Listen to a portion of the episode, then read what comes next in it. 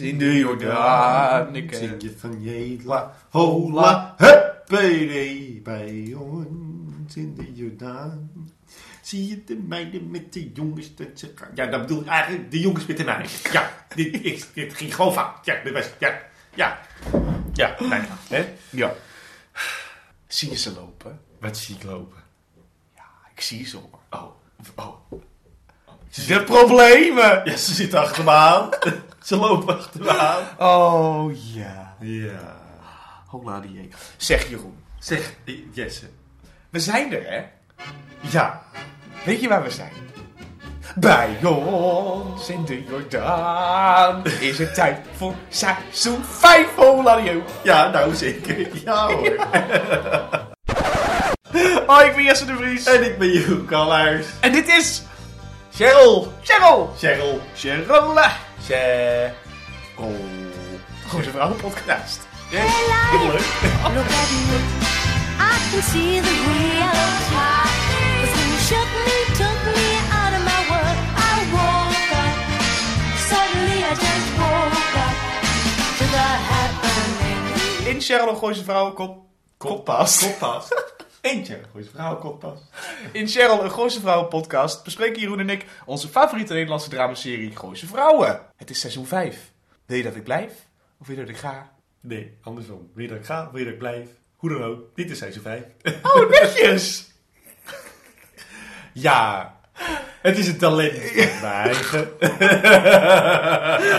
In deze aflevering hebben we het onder andere over Claire, haar, nou ja, uitvergrote problemen en de problematiek. Nou, aangeprate problemen. Problemen die er niet zijn. De wispelturigheid van Anouk Verschuur en een beetje over Cheryl. En Roelien, Die is er ook. die is er ook. En die hangt er een beetje als de nageboorte. Leuk dat je luistert naar onze podcast. Als je meer wil horen van Jeroen en mijzelf, dan is het altijd mogelijk. Namelijk via Spotify, Soundcloud, iTunes of waar je ook luistert eigenlijk. En volg ons via Tag Cheryl Podcast. We doen seizoen 5, aflevering 1, kredietcrisis. Is lekker. De aflevering was uitgezonden op 4 september 2009 en had 1.353.000 kijkers. Chapeau. Je hebt er ongeveer vijf seizoenen over na. Over En ik heb één seizoen lang gezegd, nou 1,2 miljoen ik kijkers, het helemaal meer. mee. Nou doe ik het weer. Het was een, ik wilde dit zeggen, omdat ik nu elke aflevering ga vergelijken met de vorige afleveringen van, die, van de vorige seizoenen. Dus, Oh, ja. dus ik kan nu Leuk. bijvoorbeeld zeggen dat dit een minder goede opening was dan seizoen 1 en 3, maar een betere dan seizoen 2 en 4. Dat vind ik dan weer bijzonder. En waren wij met school begonnen. Nu. Wij zijn nu met school begonnen. 1 september 2009. En vanaf, vanaf dat moment zou de televisiewereld meer Verbeterd. talent rijker moeten zijn. Echter, Kredietcrisis. Het scenario is geschreven door Alle Lof voor Joe Nederlof. De regie is in handen, nog heel even, door de koopman der koopmannen, Wil Koopman. Koopman, dat is een, dat is een merk van eh, eh, pan- pannenkoeken en zo. Koopmans. Oh. Maar ze zit erbij. Ik dacht misschien met charcuterie, Joe Nederlof van En de, de pannenkoeken. En de pannenkoeken van ja, de Koopman. waren hele leuke reclames met Johnny Krijkamp senior. Ach, ook al een tijdje dood, hè. Ja, die is ook al zo lang dood. Een korte resume. Ja. Kan hem niet via Videoland doen, want Videoland doet geen resumes van eh, de laatste aflevering. De Morero's gaven elkaar opnieuw het ja-woord, dat door vrienden achter hun rug om een poppenkast en een schertsvertoning wordt genoemd. Roelien wordt in haar slaap ten huwelijk gevraagd door Evert. Arnoek trekt het huis niet en gaat met Claire in een NH-hotel slapen, waar ze Claire een AA-meeting inluistert. In een NH-hotel een AA-meeting in. Nou, Afkorting. Waar staat NH voor? Noord-Holland. Nooit heen gaan. Die Claire niet pikt en daarna Jacques Gefoy gaat zingen als Evert niet met haar wil trouwen. Merel komt op bezoek bij het huwelijk.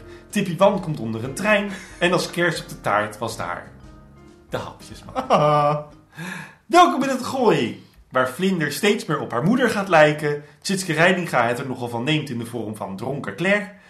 Cheryl geld links en rechts uitgeeft en te gelukkig is. Arnoek twee gezichten laat zien. En Roelien de vleesgeworden betekenis is van de barmhartige Samaritaan.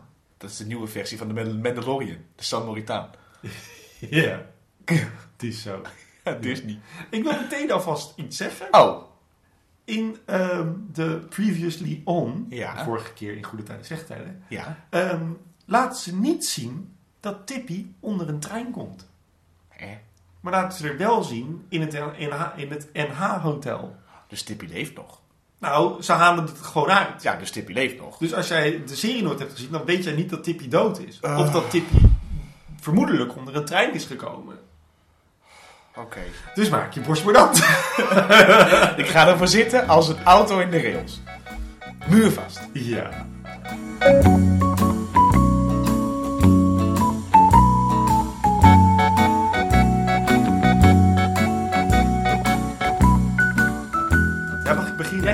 Een avondklok.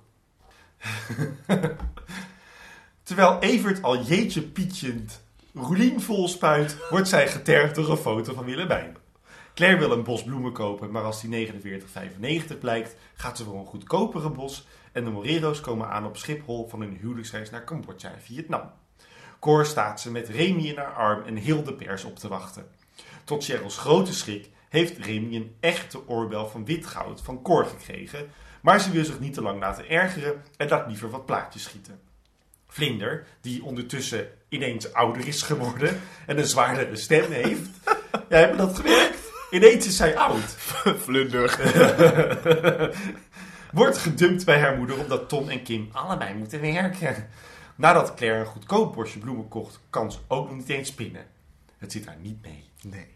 We eindigen deze fastcut aan scènes met de Morero's in een volgepakte auto's vol Chinese draken en andere appropriatistische tierenlantijnen die terugrijden het gooien in. Ja, appropriatistisch heb ik zelf bedacht. Echt? Ja, dat bestaat niet. Ik heb het gegoogeld, maar het bestaat niet. Ik vond het wel een leuk woord. Ja, het is of je hebt atheïsten en christenen en Appropriatisten. dat zijn mensen die geloven tegen Latijntjes. Nee, dat zijn mensen die cultuurtjes belachelijk maken. Het is wel appropriation. Oh, dan ben jij slim. Oh, ja. Ja. HAVO en kunstacademie. Roelien zit bij tante Cecile, die haar de trouwjurk van haar moeder zaliger overhandigt. Het bleek haar moeders laatste wens te zijn dat Roelien hierin zou trouwen. Roelien is Cecile dankbaar en Cecile wil dat er haast gemaakt wordt in verband met de Engelse naden van de jurk en Roeliens toestand. Roelien wil graag een ecumenische dienst voor Evert, maar daar komt volgens Cecile niks van in. De Groothezes en de Van Burens zijn protestants en Roelien is de laatste erfgenaam van de beide families. Dus ze trouwen in de grote kerk van Naarden, ook al is hij zo groot. Ze zetten het zo. Maar die Zo is zo groot. Ja, als is zo irritant. Ja, dat zegt mijn vriend gisteravond ook. Welke vriend? Ja, hou maar op. Ik huur de grote kerk van Naarden af voor een geheel protestantse dienst. De grote kerk, maar, maar die is zo groot. En, en, en Evert is katholiek. Denk toch niet alleen aan je persoonlijk geluk, meisje? In huis Morero aangekomen, blijkt tante Cor het er nogal comfortabel voor zichzelf te hebben gemaakt. Maar ze ontkomt niet aan de ijzeren wil van Cheryl Morero. Cor moet dingen beter communiceren met hen, ook al zaten ze ver weg. En om gezeur te voorkomen, geven de Morero's Cor een hele dure ketting. Subtiel als ze is, sluist Cheryl meteen Cor de deur uit. Claire wil haar belegging opeisen bij Evert, maar dat blijkt niet zo makkelijk nu de kredietcrisis is begonnen. Evert zegt het cryptisch, iets wat er niet is, kan je niet afhalen. Als zijn secretaresse zegt dat meneer Van Henegouwen van Trust International er is, duikt Evert ineen en zegt er niet te zijn. Cheryl komt bij Rolien op de koffie en geeft daar een soort souvenir dat ze hebben gekocht in de eh, souvenirwinkel van het Carnaval Festival volgens mij. Maar goed, we doen eventjes alsof het uit Cambodja komt. Naast een vrouw met Ja, verkreukelde ze heeft het gekocht bij de vrouw met verminkte voeten naast het Genocide Museum. Maar dit terzijde. De plek voor al je snuisterijen. Ja, wel in Cambodja of Vietnam. Cheryl roept zich uit met Jari tot ceremoniemeesters van het huwelijk van Rolien en Evert, keurt meteen de trouwjurk van Roliens moeder af en biedt 30% korting op de catering in ruil voor de spread in de bladen. Maar ja, wil Rolien dat wel? S'avonds wil Claire zich een lekker glaasje koude wodka inschenken, maar Mereltje komt thuis. Ze is als een kind zo blij, maar dan komt ze binnen met haar nieuwe vriend Wienand, die gespeeld wordt door Mandela BW. Die is bekend van Penosa, Hollands Hoop en Mokro Mafia. Hij speelde ook Malcolm in Een Klein Leven. Dat is dat enorm goede boek dat ik heb gelezen, A Little Life. Wat eh, eh, TGA, wat je geen TGA mag noemen, heeft gedaan. Ah. Over die homo's. Oh. Dat el- eh, ellendig boek, maar zo goed. En hij speelt ook Jozef Assagai in Benita's Place, die vertaald was door Esther Duisker. Oh, die kennen wij. Die is leuk. Goed, Wienand wordt in ieder geval afgewezen door Claire omdat hij zwart is. Maar Claire zegt omdat het komt omdat hij sociaal pedagoog is. Vlinder heeft een heel goed idee voor Anouk. Tom en Kim komen gewoon ook in huis wonen en ze worden één groot gezin. Heel open-minded van haar, dus Anouk heeft ergens toch haar spoor achtergelaten bij dat kind. En gezien Anouk's mening over Kim lijkt er bij haar ook een plannetje op te borrelen. Over borrels gesproken. Op de bank bij Claire is er al een flinke discussie ontstaan. Gezien Wienand, de nieuwe vriend van Merel dus, sociale pedagogie studeert, is dat voor Claire... Claire... Ik zie je probleem achter je aanlopen. Claire... Is dat voor Claire het argument hem af te wijzen. Een sociaal pedagoog verdient immers niet veel geld en dat is in deze tijd wel iets wat moet. Wienand en Merel prikken hier alleen meteen doorheen, maar Claire wil niet toegeven wat haar echte probleem is, naast het feit dat Merel nog nooit over Wienand heeft verteld. Wat ik een legitieme argumentatie vind. Maar goed, Ja. daar hebben we het zo meteen over. In Cambodja, of Vietnam, hebben de Morero's aan fruitcarving en Vietnamees-Cambodjaans koken gedaan. En hebben ze het overal gedaan, behalve in een of ander gangenstelsel met een oorlogsverleden. Naast het Genocide Museum. Ja, dit vertelt Cheryl onder andere terwijl ze met de vriendinnen op hun nieuwe vaste plek zitten. Het balkon van de Morero's. Het is wel echt een supermooi balkon, Ja. want het huis bestaat uit twee levels. En dan hebben ze boven hebben ze nog een soort van tuin. Met, het ziet echt, het architectonisch Zit- is het supermooi. Architectonisch. Ja. Roelien maakt de klassieke fout om te vragen naar de foto's. En voor de vriendinnen het weten zijn ze uitgenodigd om vanavond bij de Morero's foto's te komen kijken en te komen eten. Dan schenkt Claire wijn in, maar daar vindt Anouk het nog te vroeg voor. Roelien, zwanger of niet, kan wel een wijntje gebruiken, gezien ze Willemijn in de weg vindt staan van hun relatie. Maar de vriendinnen vinden het interessanter dat Evert Jeetje Pietje kreunt als die klaarkomt. In de keuken is Martin door het dolle heen, terwijl hij met Barry ongeveer zeven ananassen doormidden snijdt. Ik heb ze geteld, het waren zeven ananassen. Is je geteld? Ja, ik dacht, er staat, weet je hoeveel ananassen er in het shot stonden? Weet je wat duur dat is? Dan kun je beter een komkommer pakken. Dat doen ze meestal. Komkommers of tomaten. Dat kost niet zoveel. Ja, maar zij zijn goois. Ja, maar als je de productie doet, Ja. moet je de begroting moet je zeven Dan moet het toch uitzien alsof ze geld hebben? Maar je kunt dan toch komkommers pakken? Dat niemand het ziet, alleen jij. Misschien hebben ze die ananassen wel van een hele goedkope groenteboer, weet jij sowieso, veel. Ja.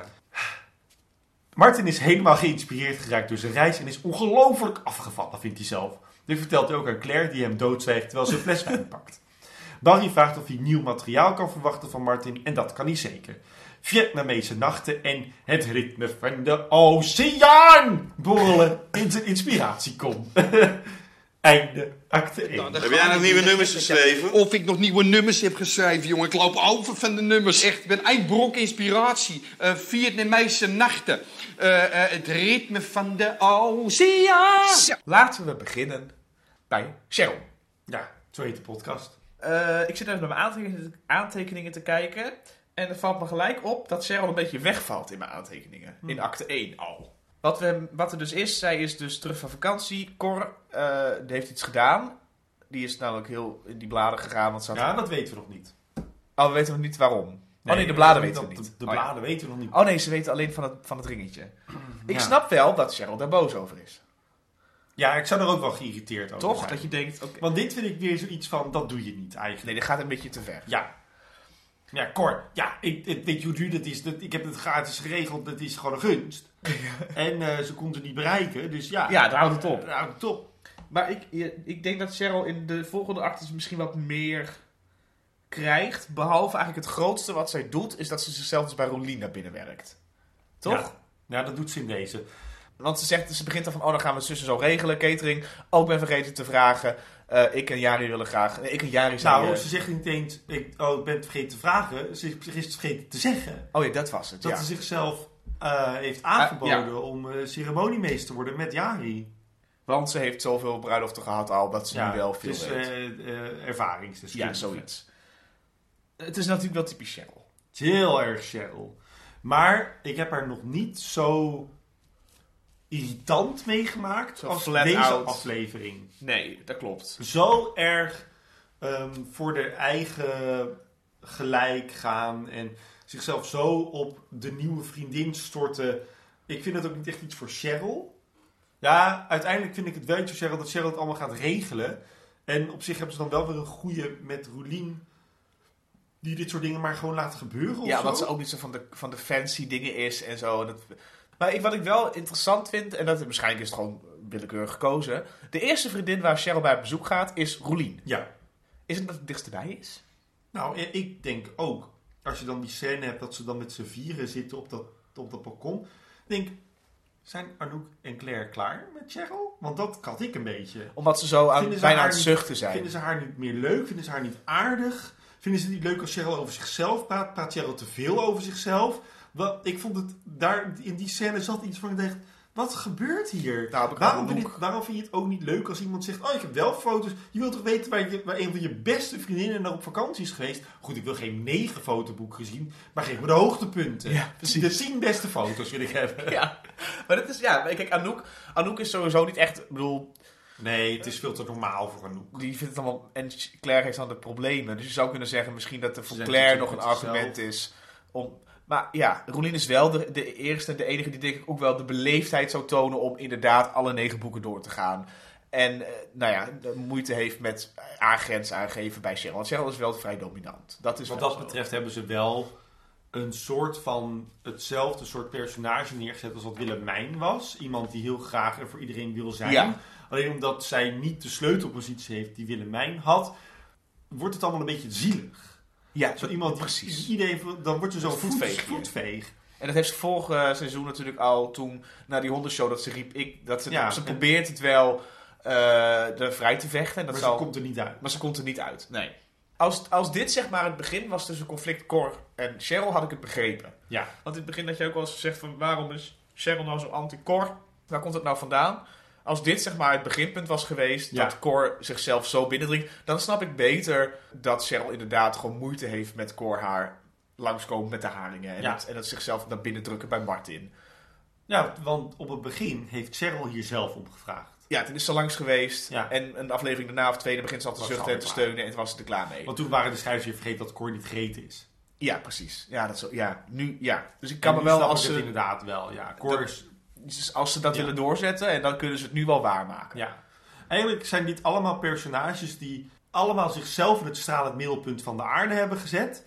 Maar er niet komen omdat er steeds iemand anders bij zit die zichzelf nog meer het middelpunt van de Ja, aarde ze duwen elkaar constant weg. Ja, wat op zich wel een leuke dynamiek is. Ja, alleen jammer dat het bijpersonages zijn die het doen. En niet het hoofdpersonage is. Eh Roelien. Ja. Is de, eh, de, de jeetje, jeetje Pietje? Pietje... Is dat een spiegelscène aan de godverdomme Cheryl? Nee. Want, want zeg maar, vorig seizoen hadden we godverdomme oh, linksom rechtsom. En dat ze een soort van nu... eh, want toen moesten ze allemaal om lachen en al wat erg haha. En dat ze nu hetzelfde doen met, eh, met, met Evertsen eh klaarkom. Het ding is alleen... Ik, ja, ik, ja, ik zie de parallel niet, behalve dan dat het ook over seks gaat en dat die vrouw... Maar wat Cheryl deed bij Martin was... Cheryl maakte Martin gewoon ronduit belachelijk. Ja. En Roelien wilde het gewoon netjes houden. En zegt dan, ja, bij zijn laatste jeetje Pietje was het voorbij. En die denkt dan gewoon van, nou, dan is iedereen wel dat- Ja, dat oké. hij klaar is. Eh, maar dat, en wat, ook, wat mij daar heel een beetje aan irriteerde, was dat het niet de hoofdzaak was van wat Roelien wilde zeggen. Nee. En daar gingen de vriendinnen niet op in. Nee, dat was inderdaad kort aanstippen, toch? Van, Ja, kijk dan, kijk dan naar... Probleem. Wat vervolgens ook nooit meer wordt benoemd. Nee, ik zit inderdaad nu letterlijk te denken... Heb ik dat nog teruggezien in de aflevering Nee. van de rest? Want de zak chips komt en zo, maar dat gaat terug. niet over... Er zijn van alle kanten problemen bij Roelien, Ja. maar geen één probleem... Ja, het wordt trouwens wel nog een keer gezegd als Evert zegt... We kunnen toch trouwen bij ons in de achtertuin.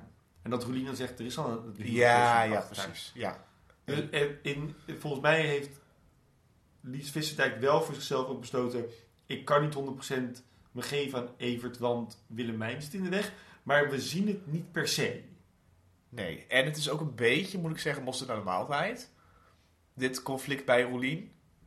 Want, bedoel, dat hebben we in het begin al een beetje een soort van gehad. Dat ze met de kinderen, en er, was, er zat niks in de weg. Het enige wat lastig was, waren de vriendinnen aan die eh taartscène in de achtertuin met de kennismaking. Maar het kan natuurlijk insluipen, hè? Dat dat Ja, laat... ja, hoe serieuzer Ja. het wordt, hoe meer je denkt... Oh, je had natuurlijk één grote liefde, bla bla.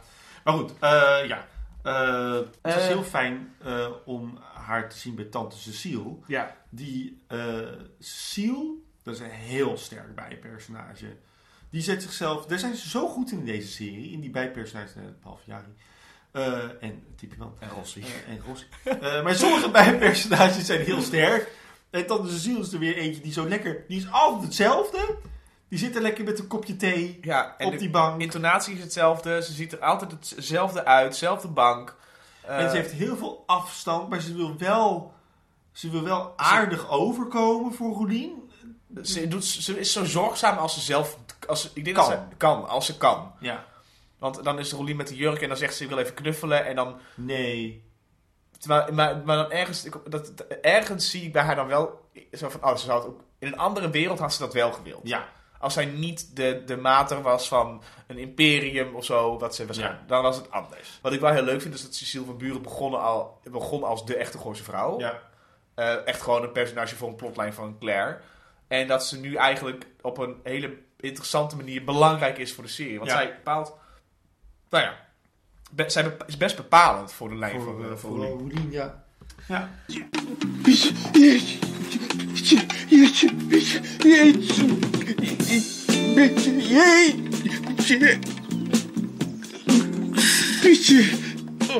Anouk. Anouk. Ja, ik was een beetje in de war van Anouk deze akte.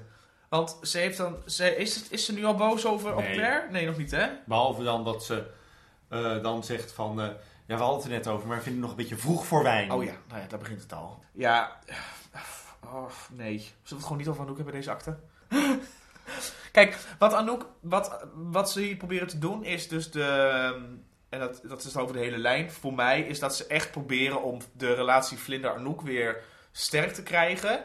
Zodat... ehm, ik denk dat ze, daar een beetje, dat ze dat een beetje af willen sluiten. Heb ik het gevoel. Dat het grote probleem van Anouk wordt nu Tom. Want bij de finale vorige aflevering... Van het finale van de vorige... Ja, finale van de vorige was het soort van, oh nu is die, die, die, die, die, Kim. Kim is er dan bij. En toen was het zo, als we kijken elkaar heel lief aan, dat is het dan dat ik... Ja, maar Tom die wilde ook toen mee met de rest kijken naar hoe Cheryl en Martin met de boot gingen. Toen dacht ik toch, oh nee, dit is mijn plek niet meer. Dan, dan stopt hij met lopen, is heel dramatisch. En nu merk je wel dat de schrijvers hebben besloten, oké, Arnoek moet gewoon terug bij Tom. Ja. Maar hoe gaan we dat in godsnaam voor elkaar krijgen? ja, nou, Ja, nee, goed, ik vond op zich Ja. wel grappig dat zij het idee in de hoofd krijgt van, oh ja, als ik voor Kim de relatie tussen haar en Tom zo belangrijk mogelijk maak, dan gaat ze vanzelf weg. Want als uh, want Ja, dat is- Vlinder vindt haar dan heel erg leuk, dan gaat ze daar heel erg op inspelen. Dat idee dat zie je ontstaan in haar hoofd in de eerste scène, dat vond ik wel sterk. Maar het is wel grappig, want Vlinder gaat er heel anders op reageren op een gegeven moment. Ja. Vlinder die schiet van... van, van, van Oh ja, Vlinder lijkt gewoon op de moeder. Die heeft in één aflevering ineens 6000 meningen over iets waar... Nou goed. Ja, en ik vind er inderdaad, ik vind het heel vervelend op die... eh, maar dan, waarom is zij zo? Waarom, waarom Tegen Claire bedoel je? Waarom maak je een personage zo vervelend tegen een ander personage over een probleem? Want eh, het- zou jij als schrijver zijnde in een scène zitten en denken: als ik nou eh, iemand de hele tijd een soort van. eh, jij zegt het al als het geweten van Pinocchio achter je aanlaat zonder enige empathie. Maakt, dat, maakt, maakt het, het probleem van de ander dan boeiender of zo? Ik snap niet zo goed waarom we waarom we Anouk deze richting op hebben gestuurd. Ik denk, en omdat het probleem van Claire, het alcoholisme, is een heel erg moeilijk probleem eigenlijk. Hè? Het is heel erg ingewikkeld en dat goed. Dus slaan ze allemaal over. Het enige wat ze doen is, Claire is dronken. En dronken zijn is stom. Dus iemand is boos omdat iemand dronken is. Ja, dus we kunnen het alleen maar eh, eh, verifiëren dat Claire dat is vi- via Anouk. Ja, en, en omdat het niet een ziekte is, maar een probleem omdat Claire, een pro- omdat Claire weet ik veel, dronken is, hoeft de serie niet het geweten te zijn, maar kunnen ze alleen maar via Anouk vingerwijzen. Want, want, want, de, want in deze serie is volgens mij alcoholisme, het is een containerbegrip voor, oh dat is zo erg. Maar ze doen er niks aan om het op enige manier ook maar relatable te maken of, of driedimensionaal te maken of, of, of wrang. Het is alleen maar, Claire is dronken, dronken is slecht. Oh, dat. Ja, en wat we tot nu toe hebben gezien is niet per se, nou dat zei ik de vorige seizoen al, Claire drinkt niet per se meer Nee. dan normaal of meer dan haar vriendinnen. Sterker nog, we zien Anouk in letterlijk elke scène wijn drinken. In elke scène. Behalve dat Claire dan aan de vodka zit en dat... Ja, Claire zit aan de sterkere drank. Maar, nee, En stiekem. maar, oké, maar hiervoor niet. Nee, Hiervoor nee, wa- nee. En daarvoor was Anouk ook al zo. Ja. Nu zie je in deze aflevering dat Claire inderdaad alcoholist wordt. En dan vraag ik me af, en dat heb ik de vorige keer ook gezegd. Volgens mij begint het steeds meer concreet te worden dat ik denk dat Claire gelijk heeft. Anouk heeft haar een probleem aangepraat. Ja. Misschien was Claire geen alcoholist geworden als die vriendin van tevoren niet heeft gezegd: Oh, je drinkt heel veel. Oh, pas op, pas op. En, dan gaat En lastig gaat vallen ook, hè? en nu ga je je schuldig voelen. En dan bij elk glas wat je neemt, wordt het een soort van geheimpje. En dan wordt het geheimpje maar groter. En voor je het weet ben je alcoholist. Ja. Dus ik vind vanaf nu, Anouk heeft het probleem alcoholisme bij Claire aangepraat. Eens. Want ik zie niet, en dat zeg jij ook al, ik zie niet dat het probleem bij Claire zit. Ik had ervoor gekozen om, en jij ook, dat hebben we de vorige seizoen ook besproken. Ik, deze Claire die je deze aflevering ziet, hadden we in seizoen 3 of seizoen 4 al moeten zien. Eh, stiekem drinken, in de eentje drinken, lekker. eh, S'avonds, het begint heel onschuldig. Omdat het gewoon niet goed gaat tussen haar en Ernst. Of ze staat in die krant, weet je wel. Ja. Eh, gewoon één glas nemen. En dan denk ik, nou, laten we nog een glas nemen. Nou, het is nu vier uur, het is Oh, nu drie uur, nou het is nu twaalf ja, uur. precies. Eh, en dan eh, eh, een keer een scène er niet bij zitten. Dat iedereen denkt, waar de fuck is Claire? En zo langzaam, dan maak je het probleem interessant. Nu maak je alleen maar een probleem omdat een ander personage zegt dat er een Ja, probleem is. klopt. Show don't tell. Ja. Ja, en, ja en, en ze gaan er niet zorgvuldig genoeg mee om, waardoor het, nou, het wordt, ja, waardoor het lelijk wordt. Waardoor Anouk haar reactie ook lelijk is. Het is niet sympathiek. Kijk, als er iemand niet sympathiek is in deze aflevering, is het Claire. Oh, ja, oké, ja. Maar Anouk kan er ook heel wat van. Omdat Ze ze... zijn allemaal niet sympathiek, behalve Roelien. Ja, klopt. Claire, ehm, nou, zij is natuurlijk zwaar racistisch. En dat is natuurlijk altijd al geweest. Dat zei hij ook hè, van tevoren. Al, altijd, altijd al al geweest. Maar dan heb ik eigenlijk, eh, voordat ik een, een observatie heb, heb ik een vraag aan jou. Eh, ze doen dus nu heel erg hun best om Claire middels dronkenschap eh, een soort van vrije kaart te geven om zo erg outspoken racist te zijn. Nou, dat is een zwaktebod van de schrijver, maar Allah. Want? Een dronken personage eh, is... Ja, ja, ja, dronken is geen vrijbrief om... Nee, nee, maar ze was hiervoor natuurlijk ook al... Nou, ze was niet echt zo... Ze is niet zo, Nee, niet zo heftig. Nee, klopt. En dat maakt dat ik Claire enorm onsympathiek vind. Maar echt, dat ik bijna denk, nou, ik zou het afzetten als ik het live zou kijken. Want zo'n serie wil ik niet zien. Maar, ah, kan je, maar jij ziet het nu... Kijk, racisme is een probleem, punt. Ja. Maar racisme kan wel... Een personage kan wel racistisch zijn. En dat mag je ook laten zien, want er zijn nou eenmaal mensen... Ja, ja, nee, weet ik. Nee, maar- Vooral in dat milieu. Ja, maar, maar, maar het ding is, is dat omdat Claire een van de vier hoofdpersonages is... en ik het gevoel heb dat met haar dronkenschap haar racisme vergroot wordt... Mhm. eh, voelt het niet als een personage-eigenschap... of als een probleem waarmee ze kampt... maar als een trucje van de schrijvers. Eh, om het personage Dat maar... ook nog. Dat ook nog. En dan kan ze conflict hebben met de dochter. Is ze nog iemand kwijt. Dus het voelt... Tuurlijk, zij is racistisch. Dat is en de tijd gebonden en al die dingen. En ze zegt... Ja, jij kunt het ook niet eens tijd gebonden. Het zou nu nog, Nog steeds, steeds. kunnen zijn. Alleen wat Alleen er stiekemer misschien. subtieler.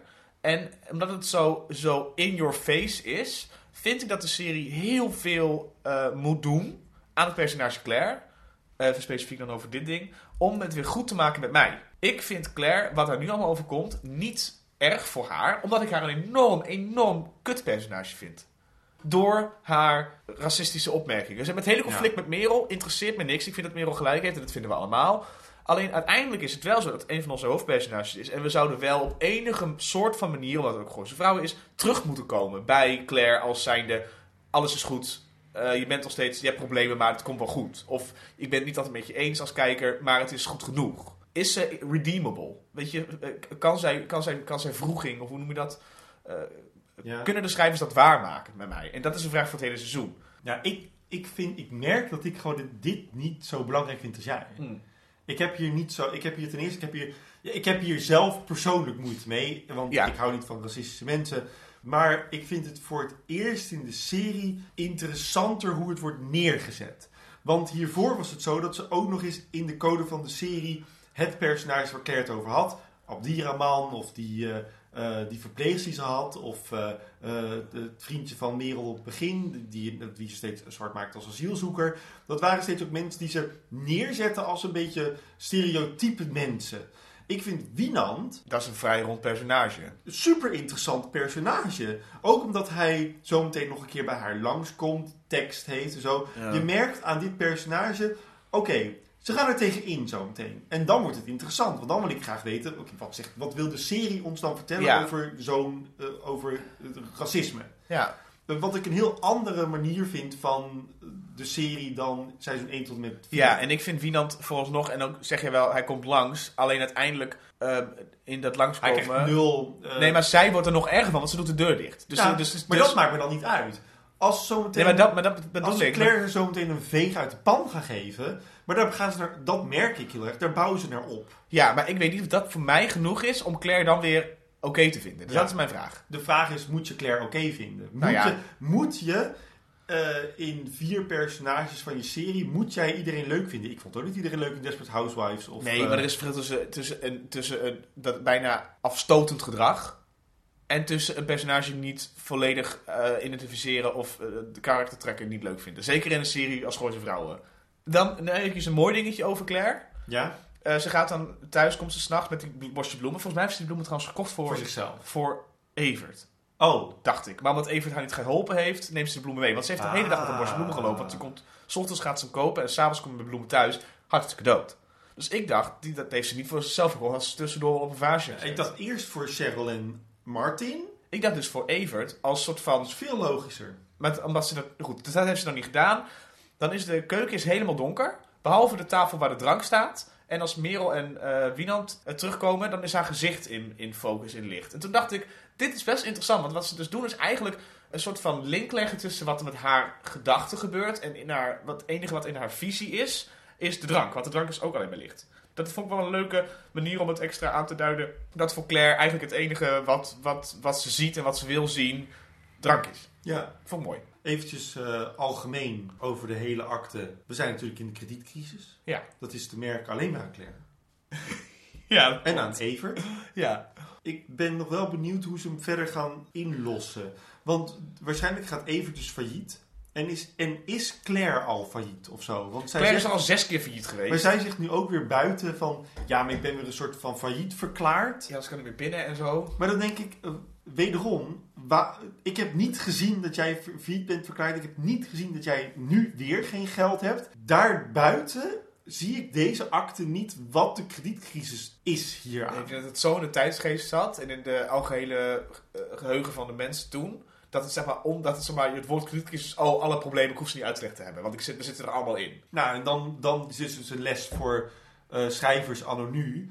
Als er een probleem is, leg het even uit. Want over tien jaar kijken mensen dit is weer. Dan moet je denken, Wat was het ook alweer? Hoe zit het ook ook? Wat, wat is het ook? ik wil niet namelijk mijn, ik wil niet Google opengooien om te denken, oh ja, hoe begon... En wat was dat dan ook alweer? Precies. Want we hebben hem zelf, ik bedoel, we waren twintig toen die kredietcrisis begon. Dus het is niet zo alsof we hem niet hebben meegemaakt. Nee. Maar niet zo, erg, want we waren studenten, dus we hebben gewoon... Dus wel bewust meegemaakt, maar niet direct. Nee, niet als zijnde als... Nee, precies. Ja, nee, klopt. Oké, check. Als ik toch eens rijk was. Ja, die, die, die, die, die, die, don. Alle dagen biddy, biddy, bom. Als ik toch eens rijk zou zijn. Niet zo hard bewerken.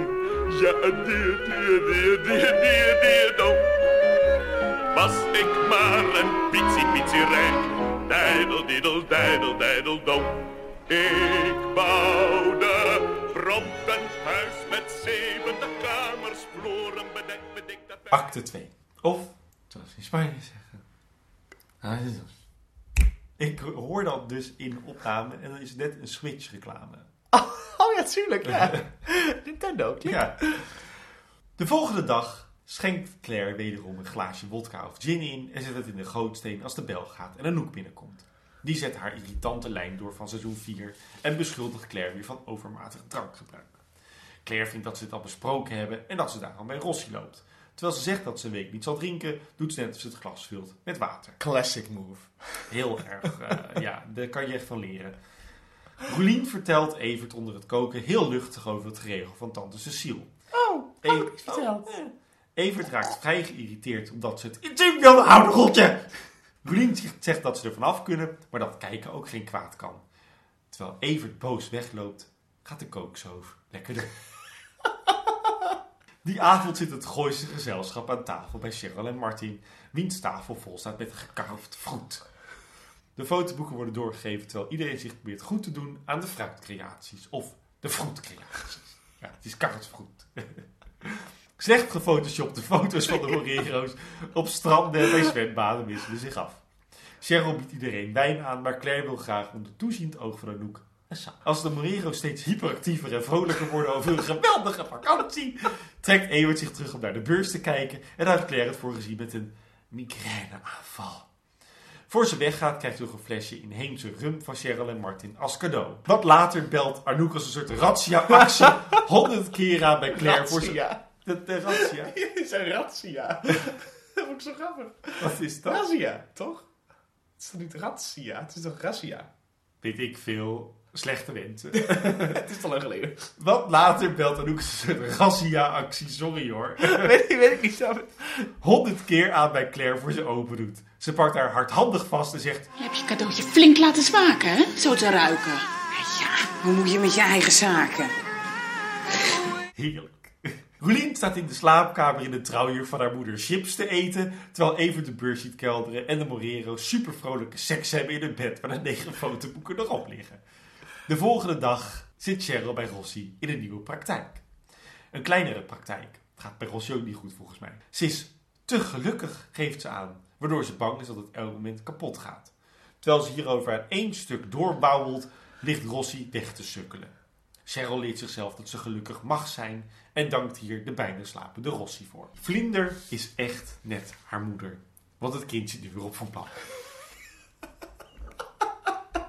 Dan nog hockey, dan nog voetbal. Jota Tantra voetbal. Ik ben benieuwd op welke hobby in de volgende aflevering zit. Macramé. Wakker gaan mee. Mini stek. Ja, met de cd van de Kelly Family in de oren. Haar ouders staan haar vol enthousiasme aan te moedigen, maar Kim heeft hier weinig interesse in. In een boutiqueje staan Cheryl en Jari te shoppen en te praten over het aankomende derde huwelijk dat deze serie ondertussen rijk is. Er staan drie man personeel om heen die ze cappuccino aanbieden. En Jari zegt dat ze een Yamahato moeten kopen voor Roelien, terwijl hij de cappuccino uitspuugt en het een crisis cappuccino noemt. De nare vriendinnetjes vinden de crisis echt een zegen. Proberen korting te regelen bij Yamaha. En Jari wil een jurkje voor Cheryl kopen, mits er twee topjes gratis bij krijgen. Het zo te zien worstelende winkelpersoneel gaat schoorvoetend akkoord. Evert en Rolien snellen ondertussen uit de grote kerk, die Evert er eenmaal te groot vindt. En Rolien kijkt vooral naar de mogelijkheden. Dan worden ze belaagd door een of andere kwade man die Evert een hypocriete zakkenvuller noemt. In de winkelstraat komen Cheryl en Jari Claire tegen die Cheryl om geld vraagt gezien ze haar portemonnee is vergeten en met een tas vol leeg glas loopt. Jari grapt nog wat over statiegeld en Cheryl geeft Claire 100 euro die ze niet terug hoeft gezien ze zo gelukkig is. Claire vindt dat nogal lullig voor Cheryl, want beter dan dit wordt het dus niet. Cheryl is meteen in mineur door de opmerking en vindt vervolgens in een blad exclusieve foto's in het huis van de Morero's. Met in de hoofdrol Tante Cor. Direct snelt Cheryl met Martin achter haar aan naar de flat van Tante Cor om haar eens flink de les te leren. Maar Cor is te blij dat ze zomaar even langs wippen. Ik was net down. De foto's vindt zij overigens prachtig en Martin, die het allemaal niet zo erg lijkt te vinden, praat met haar mee. Ze had het te doen met die arme paparazzi die door zijn baas in de bosjes is gelegd en dat we gewoon een kopje koffie aangeboden. Cheryl vraagt hoeveel Cor ervoor heeft gekregen en dat vindt Cor erg laag. Nou, nou, nou, streep! Ja, Martin, streep, streep! Uit bevel van Cheryl zet Martin een streep. Ze moeten Cor even niet zien en Cor schiet uit haar slof. Als het aan haar ligt, zien ze elkaar nooit meer. Een vrouw is een wildvreemde. In de huizenverschuur zitten Vlinder en Kim te tekenen. Het moet een hond zijn, maar ja, sinds wanneer heeft een hond wieken als een windmolen? Dus Vlinder ziet de hond er niet echt in. Anouk maakt de tekening van Kim beter met zo van die... Eén één streep. Zo. Pieuw, pieuw. Ja, ik het zo recht. Hij zegt dat Kim weer andere dingen heel goed kan. Ze is bijvoorbeeld vast slimmer en jonger dan mama. Met jonger wil Vlinder ook wel akkoord. Anouk stelt voor dat Kim met Vlinder langs de huizen rijdt voor de kinderpostzegels. Maar Kim pijnt er niet over om dat met de auto te doen. S'avonds wil Cheryl Martin verleiden om een hapje te nemen van zijn Vietnamese springrol. maar Martin zit huilend op de bank. Wie is dat de kor? Zo!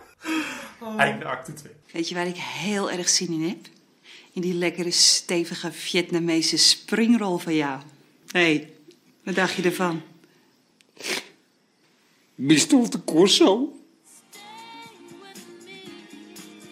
Sorry.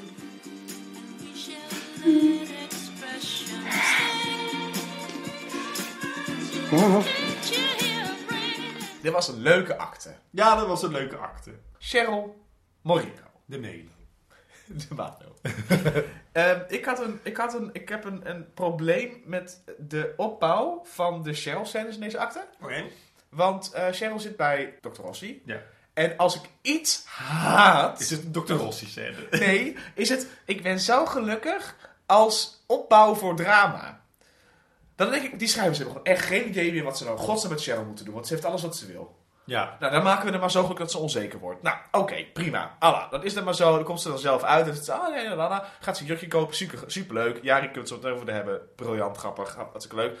Dan komt ze eh, Claire tegen. Of Claire, zo- zoals jij zo mooi eh gorgelde. En dan zegt Claire letterlijk hetzelfde als Cheryl in het begin van de acte doet. Cheryl schiet in dezelfde paniek als die ze heeft opgelost aan het begin van de acte. En dan gaat ze daarna weer met zijn Rossi bellen. Dan denk ik, had die Sarah niet daarvoor dan gemoeten? Dat ze dan zeg maar eerst dan Claire tegenkomt. Claire schiet haar de paniek in. Dan gaat ze Rossi bellen. Klaar. Dan hebben we een lijn, een opbouw van ook vanaf geluk naar paniek naar opnieuw geluk. En dan komt acte 3. Ik zou de Dr. Rossi scène eruit laten. Cheryl loopt met eh, Jari over die winkelstraat. Zegt opnieuw hetzelfde als wat ze met Dr. Rossi zegt. Namelijk, ik ben zo gelukkig, bla bla bla bla bla. En dan zegt ze dat nog een keer tegen, tegen Claire. Van, ik ben zo gelukkig. Nou, hier heb je 100 euro. Ik ben zo gelukkig, alles gaat zo goed. En Claire zegt, wat, wat, wat er zo natuurlijk op een gegeven moment gaat gebeuren deze, dit seizoen, denk ik. Is dat ze dan... Het stort allemaal in Ja. voor Cheryl. Dit, daar gaan we naartoe. Ja, Want anders wordt het niet zo gezegd. Anders moet je dat niet zo zeggen. Nee. Het is wel echt de lelijkste vorm van het op die manier doen.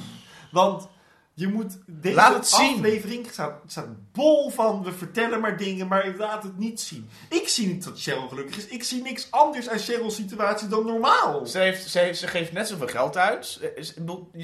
Ja, nee. Ja, nee. En omdat de kredietjes is, is Cheryl hier de enige die heel erg veel geld uitgeeft. Wat naar mijn idee zegt, Cheryl is zo meteen en niet meer gelukkig en, En arm. dat. Ja, precies. Want die, hier gaan we naartoe. Want Martin heeft weer Maar geen je carrière. moet het er niet zo op leggen. Het kan zo zijn dat, er, dat we nu tien jaar later een veel getrainder oog hebben als tv-kijkend publiek.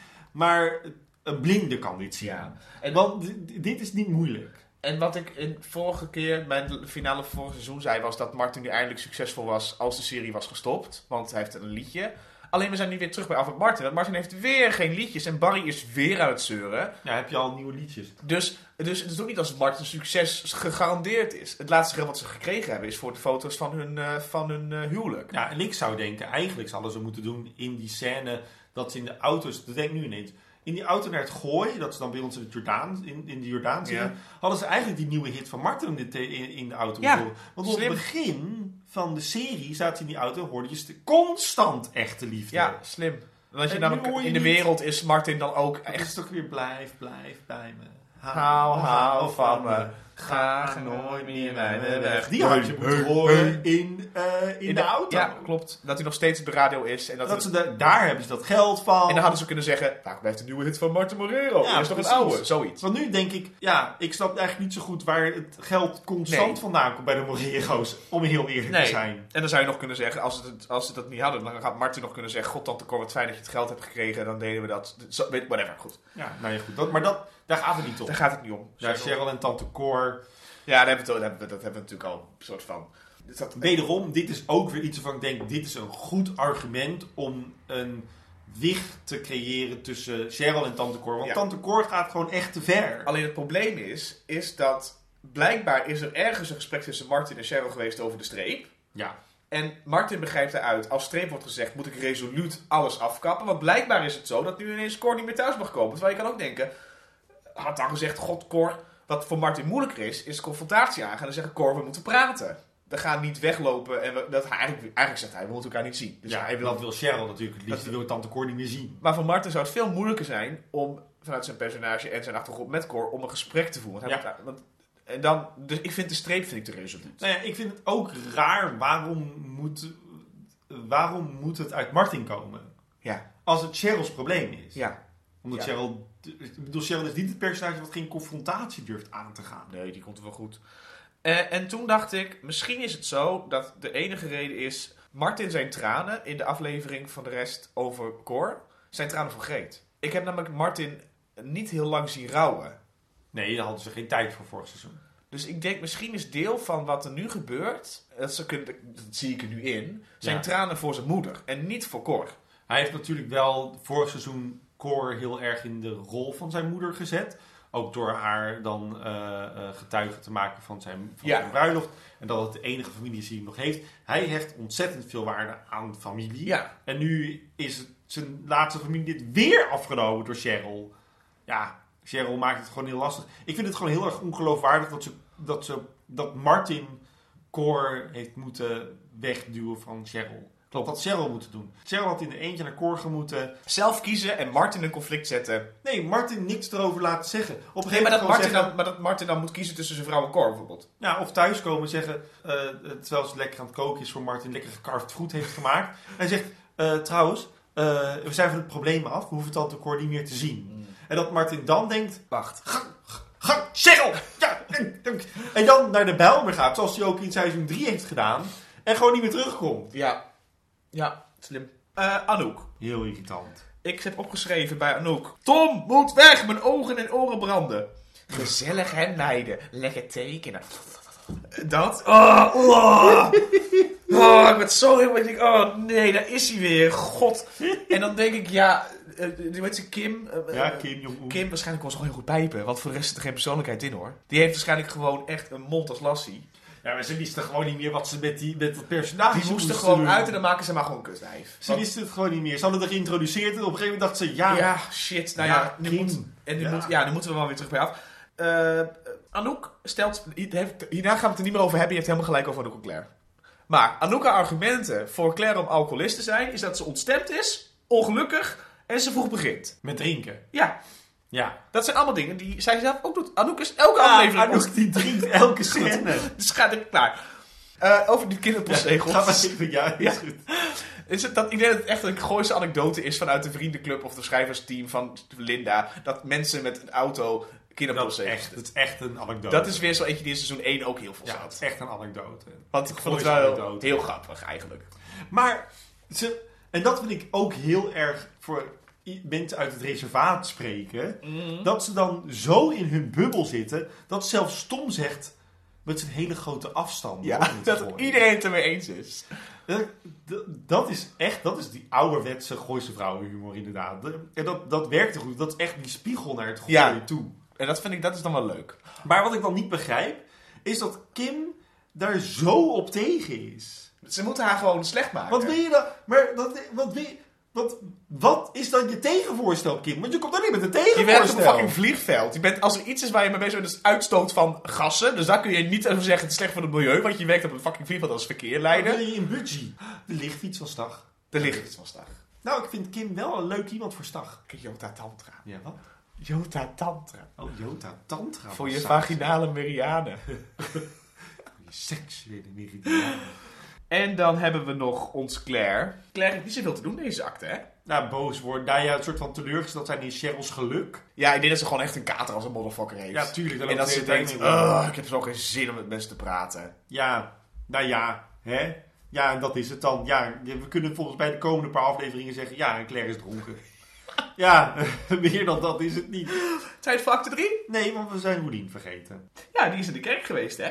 Ja, en ze gingen voor het zingen de kerk uit. Ja. Ja, we moeten het even hebben denk ik, over het setje Roelien en Evert in die ene scène. Want er zit maar één scène erin. Ja, met de, de ruzie. Oh nee, eerst over dat koken met tante Cecile. Nou ja, En ze heeft, boeiend. heeft het eten met de, met de dingen aan, met de chips. Is dat ook in deze? Oh ja, staat ook, ja. Ja, dus het heeft drie scènes. Ja, nou het koken. Ik moet zeggen, dat, het spel van, van, eh, van, van haar was niet heel erg eh, eh, petje af. Nee. Maar ik vond het wel mooi. op. Ik vond het wel mooi dat terwijl de camera dus wegging vanuit de keuken, dat je nog zo heerlijk hoorde. Dat ik- Want ze was aan het huilen. Ik denk, oh, Ja. ze, is, ze is zo erg bezig om een rol te spelen. Dat ze probeert zichzelf constant voor te houden. Ik vind het wel leuk. Ik vind het wel mooi. Ik vind Ja. het wel. Eh, en dan nou, die jurk met de chips. Ja, je zei ook al. Het is, ik moet zeggen, qua beeld vind ik het heel mooi. Ja, het ziet er heel goed uit. Het is heel wrang. En natuurlijk iemand die eet, moet ik een week van. Alleen wat jij ook al terecht zei. Waarom? Ja, ik, eh, ik vind het beeld heel onverschillig. Je doet dan die trouwjurk aan van je moeder. Ik neem aan om te zien hoe het je staat. En om eventjes je moeder te herdenken. Want dat is denk ik de eerste keer dat ze die trouwjurk aan heeft. Nou, die emotie zie ik volledig niet. Nee. Dan pakt ze een soort van zo'n zak eh, het huismerk ribbelchips van de Albert Heijn. dat zit ze dan een soort van zo op te lezen. Zo, Te lezen. Dat je...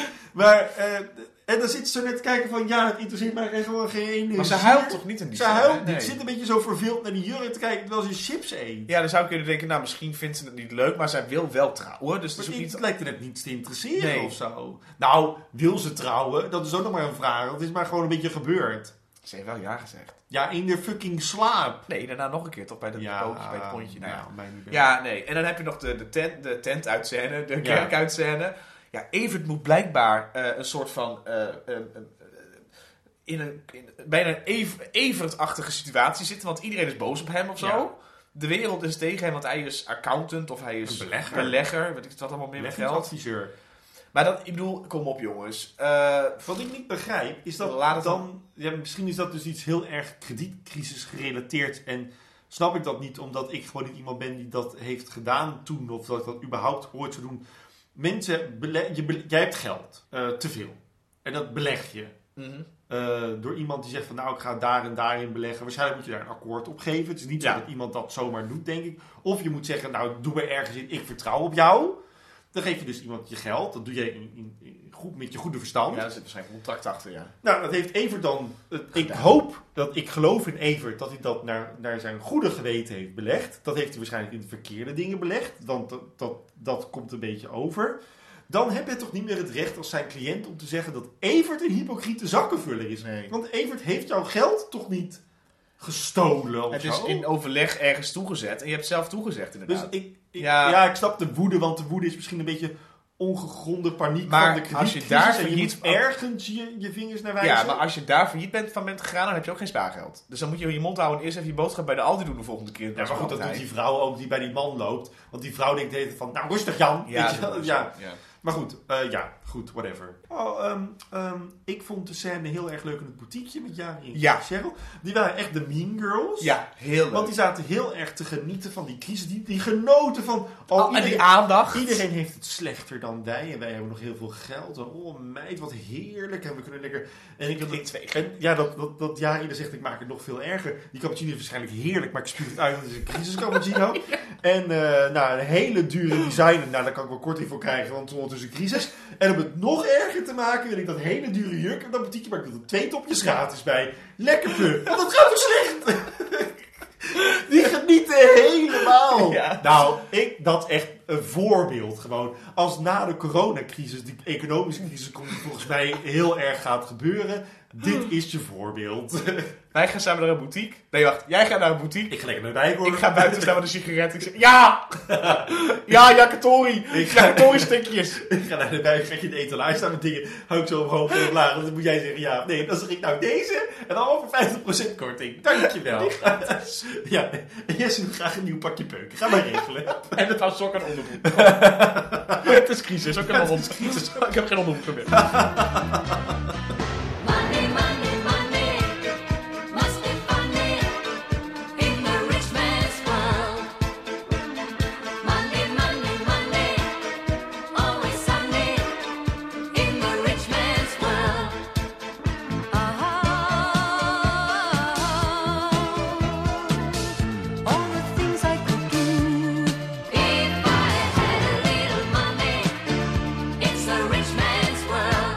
Leuk dat je luistert naar Cheryl, een Gooise Vrouwen podcast. Nou, moet je horen. Dit is het laatste seizoen. Kan je je voorstellen dat we daar zijn? Dat we daar gewoon zijn. Ik vind het belachelijk. Snap jij het? Ik snap het niet. Seizoen 5. Nou, meiden en jongens en alles wat er tussenin zit. Ik vind het ontzettend leuk dat jullie nog steeds bij ons zijn. Eh, en het is, dit is toch wel echt je kans om te zeggen aan al je vrienden... Luister naar Cheryl met allebei je oren. Want voor je het weet is het verloren. En zijn ze bezig met iets nieuws. Nou, eh, ik hoop je volgende aflevering weer te zien of te horen. Nou, jij hoort, ik hoor jou niet, maar jij hoort wel. Acte 3. Of zoals Tjitske Reidinga zingt, Refrain. We tennissen weer. In vaste opstelling staan Roelien en Claire tegen Anouk en Cheryl. Claire heeft weer eens migraine en Rolien heeft een redelijk kort lontje. Bij het verlies rent ze al vloekend het veld af. In de borrel erna geeft ze toe dat het niet lekker gaat tussen haar en Evert, wat Cheryl niet snapt. Claire legt uit wat het harmoniemodel inhoudt en Cheryl lobbyt nog een keer voor haar en Jari. Terwijl het gesprek daar duidelijk niet op zit te wachten, oudt Anouk Claire als alcoholiste. Claire loopt kwaad weg, maar volgens Anouk lopen dan je problemen gewoon met je mee. Claire is een alcoholiste. Claire heeft een heel groot drankprobleem. Claire is een alcoholiste. Anouk, wat- wat- hoe kom je hier? Cheryl, laat maar. Anouk heeft om een of andere reden besloten om mij een niet bestaand probleem aan te praten. Prima, Anouk, prima. Oh, ja. Ja, loop maar weg hoor, Claire. Loop maar weg, maar je problemen lopen gewoon met je mee. Kijk, ik zie ze lopen vlak achter je. Ja, Anouk, hou ermee op, joh. Rolien bespreekt dan haar huwelijkproblematiek ook met papi. Die vindt dat ze gewoon moet doen wat tante Cecile zegt. Want dat doen we nou maar immer- immers allemaal. Hij vertelt dat ze ook op huwelijkse voorwaarden moet trouwen... in verband met Everts carrière die nu op losse schroeven staat met de crisis. Zo had Rolien het nog niet bekeken en besluit juist daarom te trouwen in gemeenschap van goederen. Vlinder rijdt met haar ouders langs de deuren voor de kinderpostzegels... zodat Rolien tijd genoeg heeft om naar Evert te snellen... met twee kunstwerken die ze uit de zolder heeft opgeduikeld... die Evert mag veilen. Maar Evert zit niet op haar hulp te wachten. Hij vindt dat Rolien thuis lekker zwangerschapsgymnastiek moet doen en vooral haar zwangere hoofd niet moet breken over zijn eventuele problemen. Cheryl koopt 40 velletjes kinderpostzegels Ze heeft echt geld te veel. en gelooft gewoon niet dat zij, wiens naam mij even is ontschoten, een zuipschuit is. De postzegels kosten overigens bij elkaar 198,40, maar dat wordt automatisch afgeschreven. Claire koopt op haar beurt nul zegels. Vanwege haar geldprobleem en ruzie met Vlinder's moeder, die ze nog even paranoia noemt. En zeg maar tegen je moeder dat ze paranoia. Ik wil vier zegels. Ja, dat kan niet, dan wil ik er nul. Nou, dat houdt het op. Bij Rossi maakt Rolien haar debuut. Die gechoqueerd is door de situatie waarin ze in is beland. Ze praat over Everts probleem, terwijl Evert juist vindt dat zij hem niet ziet. Ze ziet hem niet en ze luistert niet. Hij zegt het met moeite ook tegen Rolien en begint daarna te huilen. Rossi vraagt wat Rolien eigenlijk zelf wil en Rolien komt met een compromis en een redelijk stevige monoloog over wat er in godsnaam mis is om ook aan andere mensen te denken in plaats van die godverlaten individualistische maatschappij waarin we leven. Ze wordt bozer en bozer en wijst per direct de therapie af die volgens haar alleen maar inzet op veel meer problemen. Misschien zien we haar wel nooit meer op die bank terug, maar ja, het is Gooise vrouwen. Anouk geeft Kim gelijk. Het is misschien goois gedoe om met de auto langs de deuren te gaan. Maar Vlinde zegt dan wel dat ze 976 euro hebben opgehaald. Wat, als je kijkt naar hoe Cheryl de postzegels kocht, niet superveel moeite moet hebben gekost. Maar goed. Dan ben je dus gewoon langs acht deuren gegaan. Anouk vraagt zich af of Kim en Tom niet een lekker beetje weg willen. Dat ziet Kim wel zitten, maar dan wel zonder vlinder. Maar ja, zo zegt Anouk dan, als je stiefmoeder bent, heb je vlinder nou eenmaal ook altijd. En bij het horen van deze zin is het exit Kim. Wienand staat voor de deur bij Claire om met haar de situatie te bespreken, maar Claire gooit gewoon in één keer de deur dicht. Jari heeft de Yamaha jurk geregeld en gaat er even voor zorgen dat Rolien die jurk ook gaat willen. Merel krijgt van Claire kritiek op haar relatie met Wienand en dat hij zwart is staat er los van. Maar uit de kritiek van Claire druipt het racisme. Ze gaat daarin te ver en Merel is het zat en loopt haar zichtbaar dronken moeder weg. Tom vertelt s'avonds aan Anouk dat het echt uit is met Kim en ze drinken er samen de rijtje op. Jari begint dat de Yamaha-taal niet voor veel vrouwen is weggelegd, maar dat Rolien hem beeldig zou staan. Rolien vindt de jurk spuuglelijk en komt met de jurk van haar moeder. Cheryl lacht de jurk nogmaals uit, maar Jari is onder de indruk van het prachtige handwerk ervan. Daarnaast neemt Rolien Cheryl ook het ceremoniemeesterschap af die ze daarna aan Claire wil geven. Claire, bedankt. Maar nee, zo hoeft het niet. Ze zegt dat het hele gooi het over Rolien heeft, dat het een moedje is en dat Evert alleen met haar trouwt om haar geld. Hartelijk dank, maar ik laat deze gifbeker aan me voorbij. Het is zo makkelijk om zo te spelen. Thuis bij de Morero's staat tante Cor voor de deur met een bosje bloemen en een welgemeend excuses. Eerst over de stem heen, wat ik echt super knap vind. Zo. Zo. Wat zeg je? Gewoon net als Martin. Het is echt zo. Ja. Het is echt een, een hoogwerktrekje. Rolien loopt weg bij Claire en krijgt ineens een steek in haar maag. Ze duikt in elkaar op de grond en begint te huilen. De fruitcarving heeft niet zijn best gedaan.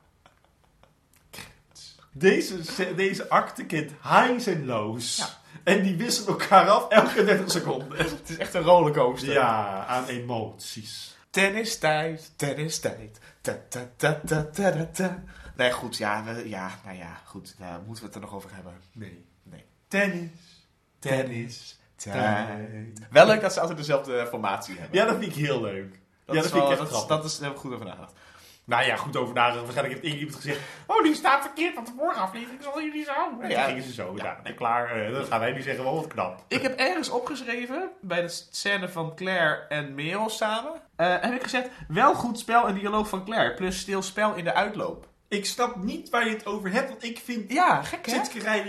Waanzinnig slecht een dronken personage spelen. Maar de vorige keer, dat was met eh, Cheryl, de, de, de therapie, zeg maar, zo heel erg eh, dat ging naleven. Vond ik het ook in eerste instantie een best prima gespeelde scène. Dus op een of andere manier heb ik, heb, of heb jij moeite met dat soort groot spel, of ben ik, ben ik gewoon te simpel om te zien dat het best wel Nou, slecht is. Het kan ook smaak zijn, hè? Het kan ook smaak zijn. Want ik vind het niet goed als je... En ze kwam met een mes. En ik vind het ook niet goed als je zo dronken gaat spelen. Zo, doet- zo speelt Irene Moors Laura in pittige tijden.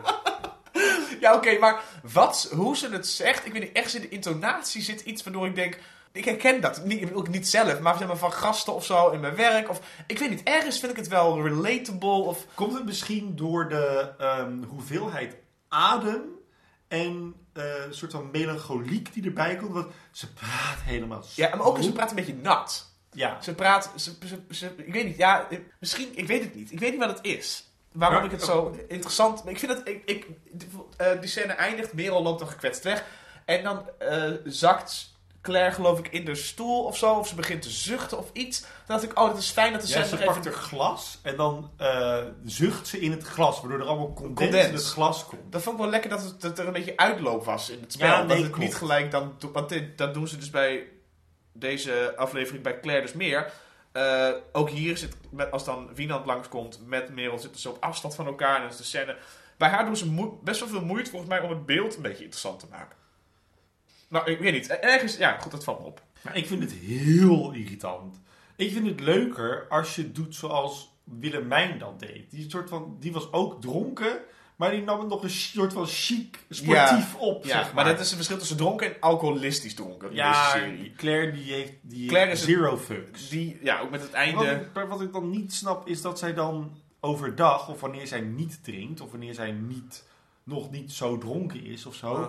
Wel heel erg nog de best wil doen om er piekfijn uit te zien. Ja. Dat vind ik dan een raar iets. Want ah, waarom doe je dan in je spel alsof het je zero fucks hebt? Met mensen om je heen. En dan daarna wel gewoon je haar netjes. Ja, en want wil Anouk kan... dat je dat kan zien, überhaupt. Ja, klopt. heeft er helemaal geen zin meer in. Dan moet je onder fel licht alles, alles leuk gaan doen. Je krijgt de hele, hele godganselijke aflevering eh grijstint of fucking helder goud.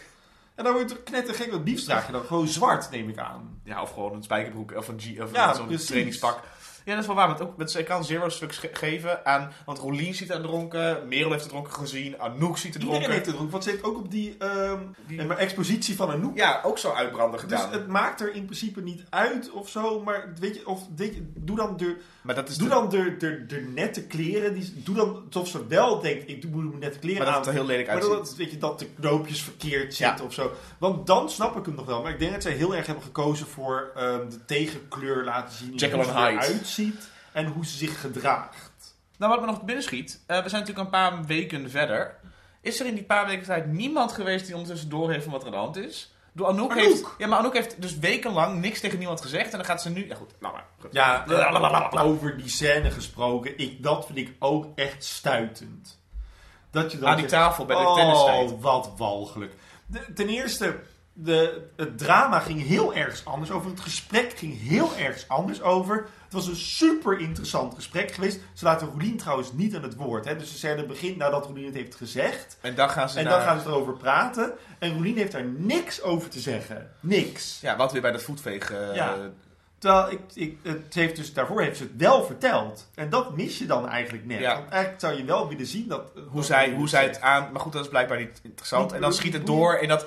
Dat inderdaad Anouk ineens dan maar gaat zitten outen. Bedoel, je hebt helemaal gelijk. Anouk is de, is de in- instigator van het probleem. Claire is alcoholist. Want ik Als zou ik een ook... vriendin had gehad als Noek, was ik ook gaan drinken. Ik had ook opgeschreven, als, iemand bij dit, als, als jij het bij mij had gedaan, was ik echt heel boos geworden. Ja, en meer gaan drinken. En ja, inderdaad met problemen achter me aan weglopen. Ja. Want ook dat je zo'n scène gaat schoppen in het, op een tennisveld, weet je wel. Ja. Doe even normaal. Dan hebben we het nog over waarom in godesnaam Jeroen Kouwaars. Rolien doet, eh, eh, weet je, eh, owns her shit aan het einde, gaat voor zichzelf staan, zegt ik ga het zelf kiezen. Ik en dan kiest ze van alle mensen. Claire van fucking Kampen. Ik snap er niks van. Dit was toch alleen maar omdat ze het wilde eindigen met een, met een, met een stressmoment, zodat ze misschien een miskraam kon krijgen of zo. Ja, en een instigator voor onzekerheid en nieuw drama bij Rolien. Want er is natuurlijk geen drama bij Rolien. Behalve dan dat er ontzettend veel drama is bij Rolien. Wat ze dus niet belangrijk vinden Nee. als het hele drama. Maar dat ze dan, weet je, Claire is degene die eigenlijk in haar face even probeerde te versieren. Dan op de vorige keer bij de bruiloft of dat kunstfeest, weet ik veel, dan nog een kut gaat zitten doen. En dan ga je nu zeggen, het is een vriendin van ons allemaal die ook goed bij de familie ligt. Nou, Cecile van Buren kan Claire van Kampen wel schieten hoor, denk ik. En ik had, oh je dat ook nog eens. En ik had gekozen voor Cecile. Of voor iemand, of voor een vriendin die we nog niet eerder hadden Alleen. Jari. Ja. Laten we het dan lekker zo doen. Ik snap het gewoon niet. Of een vri- Terwijl daarvoor zit naar mijn idee de allerbeste Rossi-scène ooit. Van Rolien. Ja. Maar dan denk je wel weer alleen een andere, hè? Ja, nou en? Wat is er mis mee dat ik aan anderen denk? Ik heb graag iedereen gelukkig, ja. Nee, maar dat schijnt tegenwoordig niet meer te mogen, hè? In deze godverlaten individualistische maatschappij. Nou, ik ben een van buren. En een groot hezen. En ik heb lak aan de tijdsgeest. Ik heb lak aan mijn familie. En ik heb zeker geen behoefte aan een of andere modieuze therapie... waarbij iedere vorm van gezonde naaste liefde mij wordt afgeleerd. Ga je mee, liefje?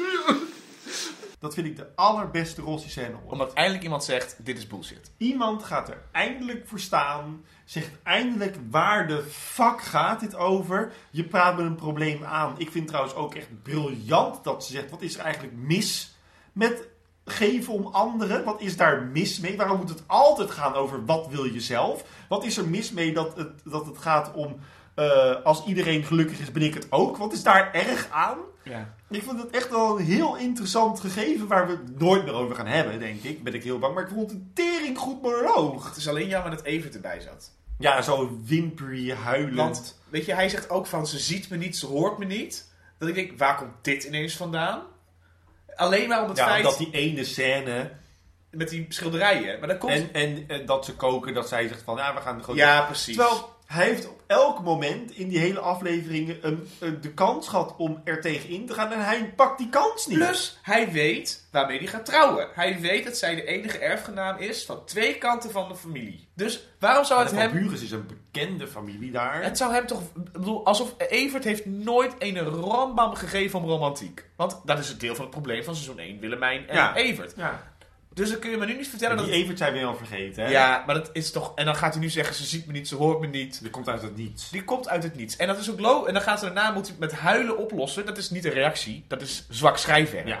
Je ontwijkt het probleem. Ze maken van Evert een beetje een grapje. Ja. En Evert maakt ook een beetje eh, voor mij duidelijk wat nou het probleem is bij Rossi. Want er was geen probleem. Maar ze gaan, eh, ze gaan zichzelf een probleem aanpraten. Ja. Evert die gaat zichzelf het probleem aanpraten dat Roeline hem blijkbaar niet ziet. Want hij moet iets zeggen. Zo. Hij moet iets zeggen. Wat, blijkbaar wat niks zit. zegt. Ja, ja, precies. Oh ja, dat is wel slim. Ja, omdat de stilte gevuld moet worden met woorden, ga je jezelf in de cirkel praten. En daar hadden we het net over voordat we gingen bespreken.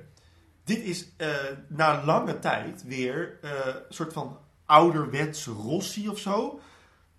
Rossi heeft deze hele aflevering niks gezegd. Niks. Nee.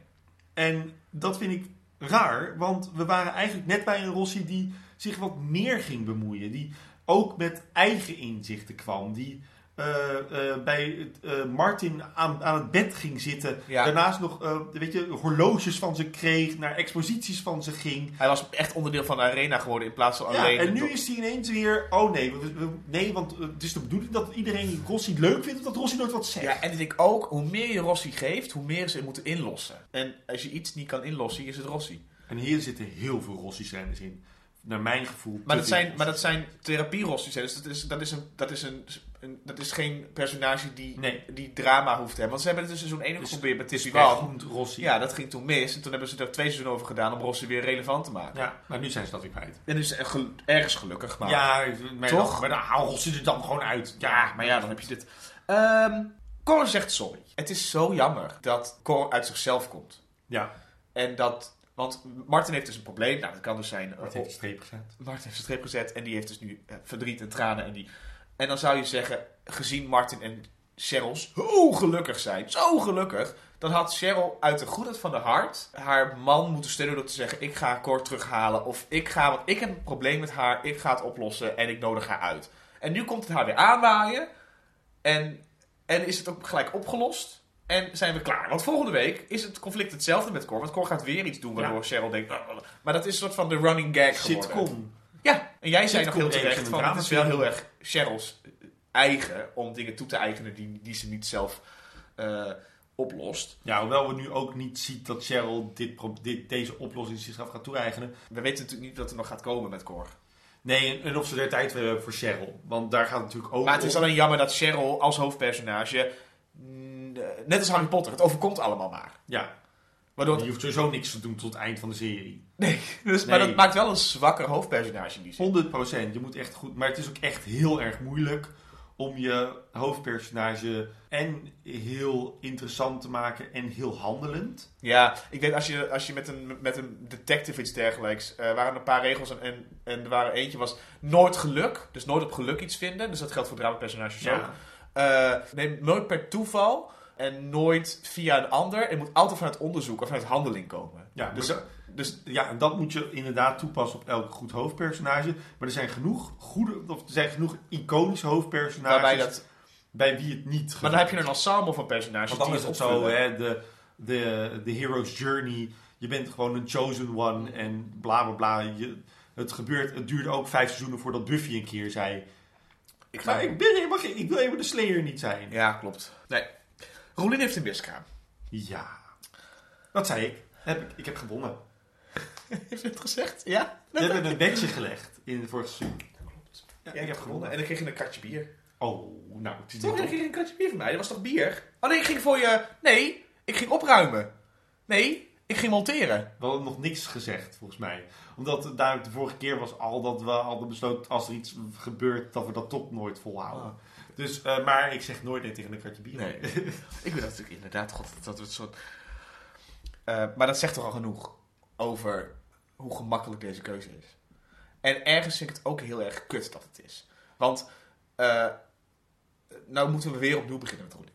Waarom heeft Roenien een miskraam? Eh, oh, oh, stress? Maar Waarom doe je op metaniveau? Nee, ik bedoel, ik snap wel, een miskraam gebeurt, punt. Dat, daar heb je niks over te zeggen, dat heeft niks te In een dramaserie Is er een reden voor? moet er een reden zijn waarom zij miskraam. Of het moet ehm, eh, eh, daarna eh, iets groots worden. Ja. Maar ik wist van tevoren al dat Roelien zwanger was. Dat ik dacht van, nou, dat wordt hem niet. Want dat heeft, heeft, dat heeft de, de reden waarom Roelien een miskraam krijgt, de serie heeft het niet nodig. Ja, en ik denk dat ze dat nu. Ik had, nou ja, ik. Ik hoop dat het is door de stress van wat Claire tegen haar zegt. Ja. Ik hoop dat, dat Claire haar gedrag, waardoor ze nog kutter wordt, maar ook een beetje zo voor Roelien eindelijk iets op scherp gaat staan, Ja. is dat ze zo erg ontdaan is van het verhaal, dat ze daardoor, met alle stress die ze al heeft opgebouwd, de hele aflevering, want de hele aflevering staat zo op spanning, dat ze daardoor nu eh miskraamt. Waardoor je dus nu zou kunnen zeggen op het eind van deze aflevering, zoals ze wel vaker doen bij Gooise Vrouwen, de eerste aflevering is vrij in de familie. Er komen weinig, eh, komt weinig slechts of iets van buiten of zo. Het is altijd best wel intern. Ja. Je zou nu kunnen zeggen, de serie kan weer zo doorgaan zoals die is zonder iemand nieuws. Want Claire is de antagonist van, deze, Ja. van dit seizoen. Ja. Claire heeft zichzelf opgebouwd als een protagonist van de serie en is nu een antagonist geworden.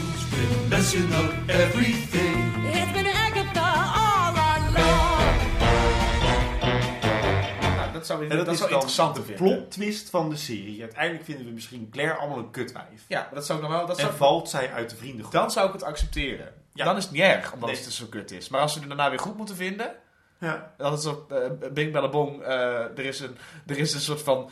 eh, dat waarschijnlijk moet er een externe bron bij komen om Claire weer neutraal te maken. Want de vriendinnen kunnen het niet. En haar dochter ook niet. Nou goed. Maar ja, nou, deze aflevering, weet je, je zegt, er, zit, er is veel aan de hand. Ik moet zeggen dat er wel heel veel ehm, normaal drama in zit. Ja. Niet heel veel eh, gekke, gekke trucjes of dingetjes. Of, Nee. het is best wel inderdaad, ja, in, de familie drama. Dat is wel lekker. Ja, dat vind ik altijd heel erg fijn aan Goeie Vrouw. Als ze dat doen, en als ze dat nou een paar afleveringen volhouden, dan wordt het echt interessant. En dat hebben ze de vorige seizoen hebben ze dat ook gedaan met eh, aflevering 1, 2 en 3. Dat waren best wel best in de familie. En toen kwam typisch boek uit en toen was het Ja. chaos. Maar Maar wat is, dit is niet een aflevering wat draait om een evenement. Want normaal zijn dat een beetje de beste afleveringen. En ook in de familieafleveringen. Zoals je dat dan... Wat is dan nu... Die is er nu niet, hè? Er is niet een... Maar, maar terwijl het wel voelt... Ik ging ook heel snel in mijn, in, mijn, in mijn beleving. En jij zei voordat we op gingen nemen ook... Het is een aflevering die in de lijn wel heel consistent doorzet. Er zitten weinig ruisscènes in, zeg maar. Hij is heel gefocust. En wat ik dus ook verbazingwekkend vind aan een Gooise Vrouwen aflevering, dat zei ik ook tegen je, wat ik volgens mij nog nooit eerder heb meegemaakt, is dat de eerste aflevering van het nieuwe seizoen doorgaat waar de vorige aflevering is gestopt. Al dit drama, ze zijn letterlijk niks vergeten dit keer. Nee, niks. ze hebben het een pauze gezet. Ze hebben niks vergeten. Ze zijn, waarschijnlijk is het, zijn er zes weken overgegaan. Want de, de Merero's zijn op huwelijksreis gegaan. natuurlijk best wel lang, denk ik. Ik denk dat het een lange vakantie is. Twee landen afgegaan. Dus ik denk dat ze zes weken weg zijn geweest. En eh, ondertussen zie je wel dat er... Want Roelien, nee, hè, die, die, die trouwerij is in werking gezet. Er zijn allemaal dingen in werking gezet. Nee, het is niet zo dat, dat zij niks hebben gedaan. Nou ja, de trouwerij moet Nee, steeds Roelien- geregeld worden. Anouk ja, heeft niks maar, gezegd. het maar de trouwerij is wel iets wat nog steeds leeft. Ja, en nog steeds nee, doorgaat. Arnoek. De Arnoek zit in de vrije tijd helemaal geen flikker te doen, Jesse. Dat is nou eenmaal wat het is. Ja. En Claire is half failliet gegaan. Dat hebben we niet eens gezien. Eh, het- is jammer dat we dat niet hebben gezien, want dat had ik graag gezien. Maar er is tijd overgegaan. En er is heel veel meegenomen van het vorige seizoen. Vind ik heel fijn. Ja, klopt. En dat geeft ook wel een beetje vertrouwen voor, Dit voor de seizoen. afsluiting. Want het is natuurlijk wel een seizoen die niks, Ja. niet te veel ook op kan bouwen. Want ze moeten het in negen afleveringen. Of En ik ga het daar heel erg op letten dit keer. Hoe ze het doen met... Hoe eh, ze, het kan het niet anders. Ik bedoel, maar we moeten ook uiteindelijk gaan kijken naar. En dat wordt de vraag van dit seizoen. En op het einde de vraag van de serie. Waar hebben we naar gekeken? Waar ging de serie over? Wat heeft het ons geleerd? Ja. Waarom hebben we het gekeken? Eh, waarom zo lang? Waarom dat, maar, maar dat moet de serie je allemaal kunnen vertellen. Dat moet de serie je kunnen vertellen Ja. op het eind. Klopt. De serie moet jou kunnen vertellen. Hierom heb je Gooise Vrouwen Ja, gekeken. er moet een cirkel rondmaken. Want het is hetzelfde met Brit. Waarom, waarom start de serie? Omdat er een interessante wereld, interessante personages, goed conflict. Want het eerste seizoen was heel scherp. Heel scherp. Nou ja, niet Nee, maar, eerste de, maar, aflevering maar de premisse was al scherp. Ja. Nou rest ons nog een afsluiting. Ja. En nou hebben wij natuurlijk meerdere dingetjes gedaan. Oh ja. En we zijn natuurlijk van het experiment. Dat Oh. vinden we... We hebben de kunstacademie gedaan. hè. Dus Alles was een experiment. Jeroen en ik hadden bedacht... Probeer wat uit.